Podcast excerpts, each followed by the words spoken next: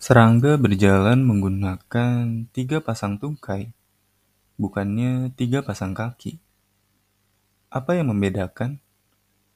Sebenarnya sama saja. Yang membedakan hanyalah kecocokan. Sama halnya seperti bulu dan rambut, mati dan meninggal, lalu aku dan kamu.